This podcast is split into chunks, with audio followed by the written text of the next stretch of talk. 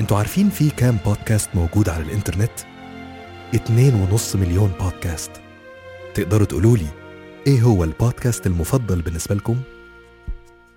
لما بتفتح أي application بودكاست عشان تسمع حاجة جديدة غالبا بيكون هدفك الأساسي إنك تستمتع.